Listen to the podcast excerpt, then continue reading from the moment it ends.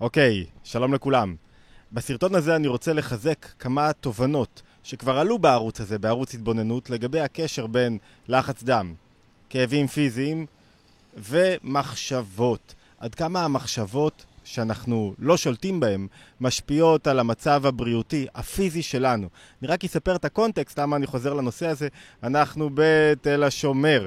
אה, אימא שלי היום בבוקר נכנסה לניתוח אמ, לכריתת uh, שד ובלוטות, ניתוח לא פשוט, בגיל 76 מי שליווה אותנו כבר יודע שהיא התמודדה שנתיים נהדר ועכשיו הניתוח הזה בעצם אמור לסלק כל סכנה עתידית, אז היא נכנסה לפני שעה, שעה וחצי ואמורה לצאת עוד שעה, שעה וחצי פלוס מינוס, ואנחנו כאן בחוץ מחכים לה, הגענו מוקדם. ו- ואני רוצה ככה לקחת בזמן אמת אז קודם כל, אז, אז מי שרוצה להתפלל לרפואתה ושהכול יצא כמו שצריך והניתוח יעבור וההחלמה ולא יהיו בעיות ולא ייגעו בשריר, אז אלן פורטונה אורית בת אליס. אמ, או אלן בת אליס, הכי קל. אני, אני רוצה לגעת בכמה נקודות בזמן אמת שקשורות למצב הפיזי שלי לקשר בין המצב הפיזי למצב הנפשי. וכשאני אומר מצב נפשי, כרגע אנחנו מדברים על המחשבות שלנו, שהן ביטוי לרגשות. מקום שבו הרגשות שלי רוצים להתבטא. ולמה הכוונה? אני אתן כמה דוגמאות. אחד הדברים, תחשבו שאתה נכנס לניתוח, ובניתוח זה לא אדם חולה, אדם בריא שלוקחים אותו, ומכניסים אותו לניתוח שבו אומרים לו, טוב, הולכים להוריד לך איבר מסוים ויהיה לך שיקום ארוך.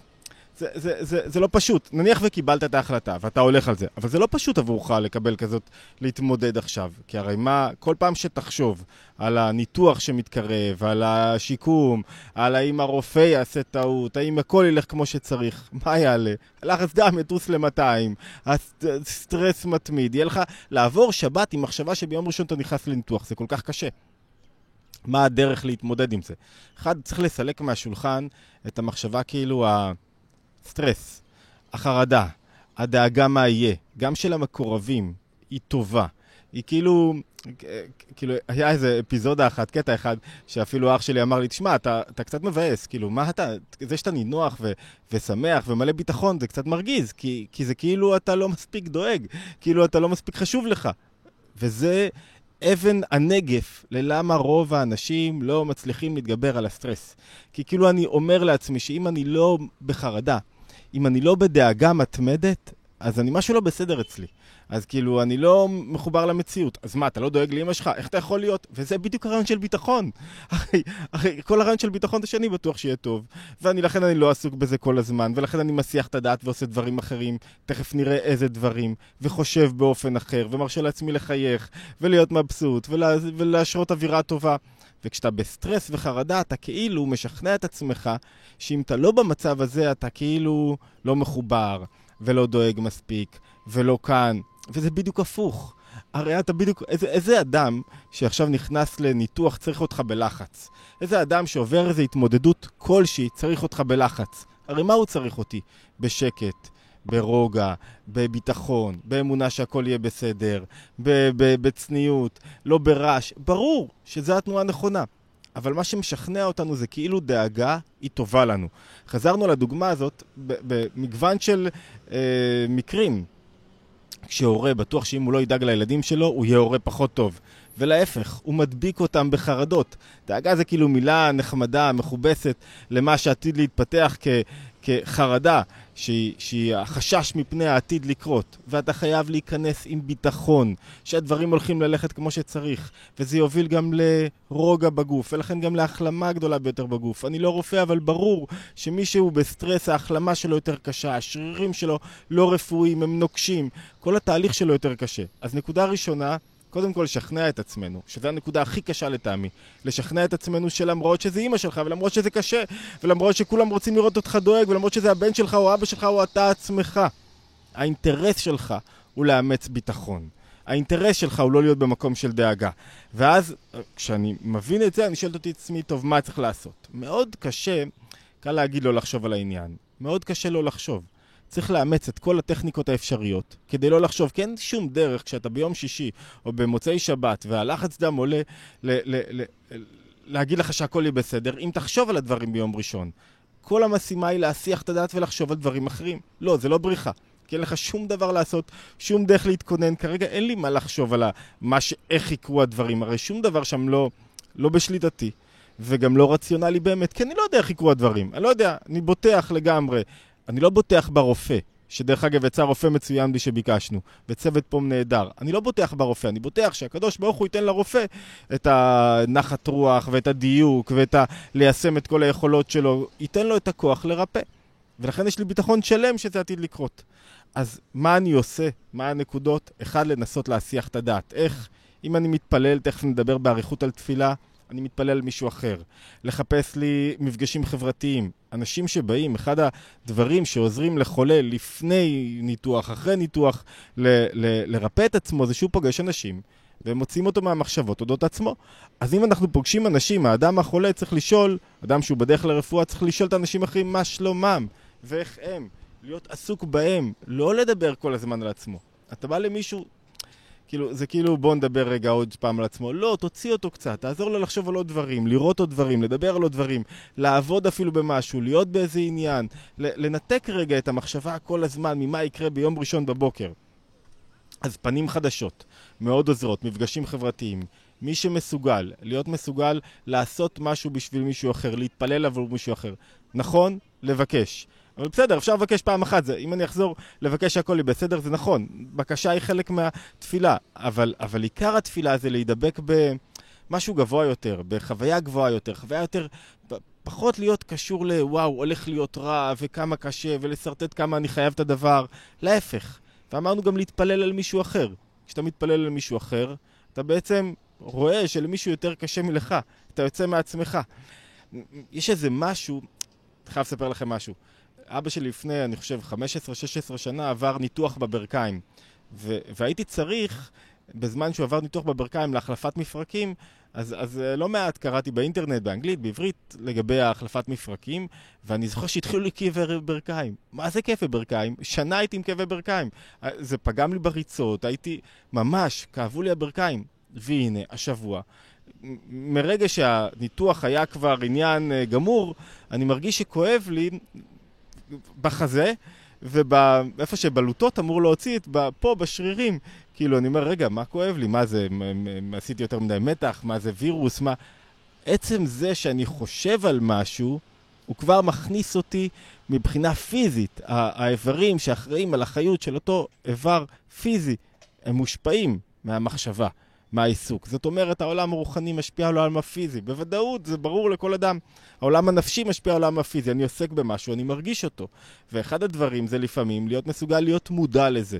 להיות מודע לזה, מה זה אמונה וביטחון? אני מודע לעכשיו שהדברים, אני בטוח, הולכים להסתדר. אני לא מכניס לעצמי פחדים, אני מודע לקשר בין הנפש לגוף, ולכן אני רוצה דווקא לחזק את עצמי, להרגיע את עצמי, לחשוב חיובי, לחשוב שהכל הולך בסדר, להרגיע את הסביבה שלי, לחייך לסביבה שלי. חלק מלהרגיע זה לא להיות עסוק רק בלזה, זה לתכנן תוכניות. יש פסוק שאומר סעדני ואבשע, זאת אומרת שאחד הדברים החשובים זה שעוד לפני שיש, אני אנסח את זה שוב, לפעמים אנשים אה, אומרים, אם השם ייתן לי, אם יהיה לי רק בריאות, אני מבטיח לעצמי שאני הולך ללמוד. ואם השם ייתן לי רק, ואם הקדוש ברוך הוא ייתן לי רק בריאות, ורק אני אעבור את המחלה הזאת, אז אני מבטיח לעצמי שאני הולך להתמודד טוב יותר ולעשות את זה ואת זה. סעדני ואבשע זה שאתה, אני מקווה שאני הוגן נכון כי לא, כי לא ניקדתי לעצמי, זה עוד לפני שאני זכיתי בבריאות, עוד לפני שעברתי את הניתוח, אני מקבל את ההחלטות ועושה בדיוק מה שתכננתי שאני רוצה לעשות. זאת אומרת, אם תכננתי שאם אני אהיה בריא אני הולך ללמוד, אני מתחיל, אני נרשם לקורס. היום, מוצ"ש, לפני יום ראשון, נרשם לקורס לימודים. כי אני כבר מתכנן את הדבר. אני כבר, אני, אני אומר לעצמי, אני אעשה מסיבת הודיה אם אני, או סעודה לכל המשפחה אם אני אחלים, אני אעשה את הסעודה עוד לפני שהחלמתי. למה? כי אני מפגין ביטחון גמור. והביטחון הגמור במובן החיצוני שלו, ישפיע גם על המובן הפנימי. זאת אומרת, ישפיע לי גם על הנפש עצמה. וכשאני, תחשבו על מישהו שאומר, אני לא יודע מה יהיה. אתה לא יודע מה יהיה, אז יכול להיות כל דבר. אתה מוליך את עצמך בדרך של אני לא יודע מה יהיה. אתה מוליך את עצמך בדרך של חרדות. אנחנו בפרשת שבוע חוכמת לב. חוכמת לב זה אני יודע מה יהיה, יהיה טוב. מה אתה מוכר לי לא יודע מה יהיה? זה, זה נכון בכל מישור, זה נכון במישור הכלכלי, זה נכון במישור האישי. כשאתה חסר ביטחון, אתה מזמין מיני אה, כאבים, מיני קשיים, מיני התמודדות. כשאתה מלא ביטחון, שהולך להיות טוב. הרי חרדה זה, אני לא יודע מה יהיה ואיך אני אקום מהניתוח ואיך הדברים יסתדרו וזה אוכל אותך וזה יותר, זה יכול לפגוע בניתוח עצמו. ביטחון, שאני בטוח שיהיה טוב. ו- ואני חושב שליווינו את אימא שלי, אם אני מסכם את השנתיים האחרונות, לפני שנתיים היא חלתה במחלה. זו הייתה פעם שנייה שלה.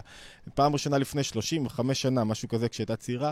פעם שנייה הודיעה לה שיש לה אה, אה, את המחלה בשד, ובדרגה לא כל כך טובה. ו... ובשנתיים הללו עבדנו מבחינה נפשית, והתוצאות היו שהיא עברה את השנתיים הללו, עבדה משרה מלאה, המשיכה את העבודות שלה, לא הפסיקה כלום, הייתה פעילה במאה אחוז יותר מאי פעם, אנרג'ייזרית ממש, ברוך השם, הייתה פול פאוור. למה? כי עבדה על עצמה מנטלית. היא הבינה שעכשיו זה רגע האמת. דיברנו על זה פעם, אני חושב לפני שנתיים באיזה סרטון, ו- ואני מרשה לעצמי עכשיו לשתף אתכם בזה, כי אני חושב שגם בעיניה זה איזה חיזוק מסוים. היא, לפני שנתיים היא הבינה שזה רגע האמת. מה זאת אומרת רגע האמת? כאילו לכולם יש תחביב כזה להיות קורבן, לכולם יש תחביב כזה, אני מסכם פה כמה תובנות שכבר נגענו בהן בעבר, לכולם יש תחביב כזה להיות חרדתי. למה, מה איתי? בואו נדבר עליי. זה, זה לשים את עצמי במרכז. ודווקא כשהיא הבינה שרגע האמת זה שהיא חייבת להיות שמחה. ורגע האמת זה שהיא לא מרשה לעצמה אה, חברות שיגידו לה הוא ויורידו אותה למטה ומה קורה באמת או איזה מסכנה. ורגע האמת זה שהיא מבינה שהיא צריכה להעסיק את עצמה בעוד דברים ולהתפתח וללמוד ולא לוותר ואין כזה דבר, אני מסכם. אני דוחף קדימה גם בגיל 80 והיא בת 76, אין דבר כזה שלא. זה, נתנו לה את השנתיים יפייפיות, אתם יודעים מה? אני לא אגזים אם אני אגיד מה יפות בחייה. למה יפות בחייה? כי עבדה על עצמה מנטלית.